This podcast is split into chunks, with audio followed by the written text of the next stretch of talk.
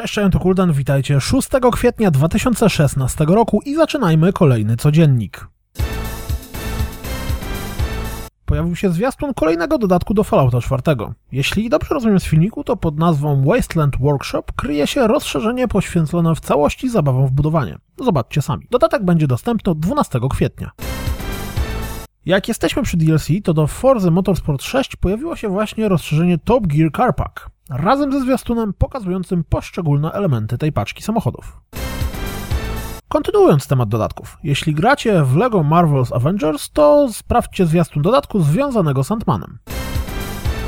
Jeśli nie możecie doczekać się nowego Mirror's Edge'a, to być może zainteresuje Was Velkin Road, który jest dostępny w ramach Steamowego Early Accessu, a jak widać po zwiastunie może przywodzić na myśl delikatne skojarzenia z Mirror's Edge.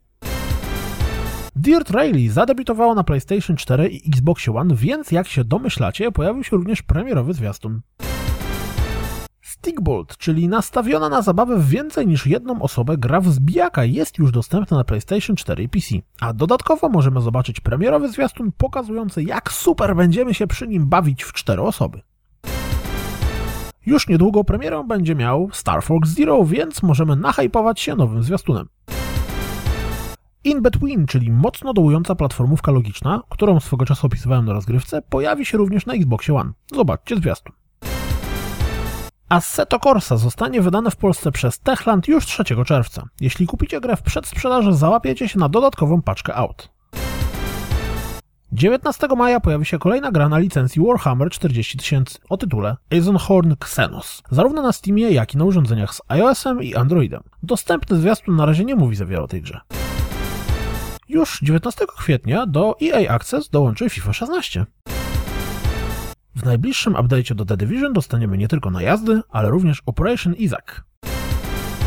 Sony pochwaliła się filmikiem prezentującym funkcje, które dostaniemy w najnowszym update'cie oprogramowania PlayStation 4.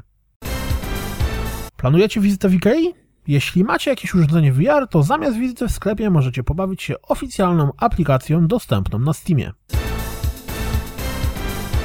To wszystko na dziś, jak zawsze. Dziękuję za słuchanie, jak zawsze zapraszam na www.rozgrywkapodcast.pl. Jeśli doceniacie moją pracę, wesprzyjcie mnie na Patronite. Mam nadzieję, słyszymy się jutro. Cześć!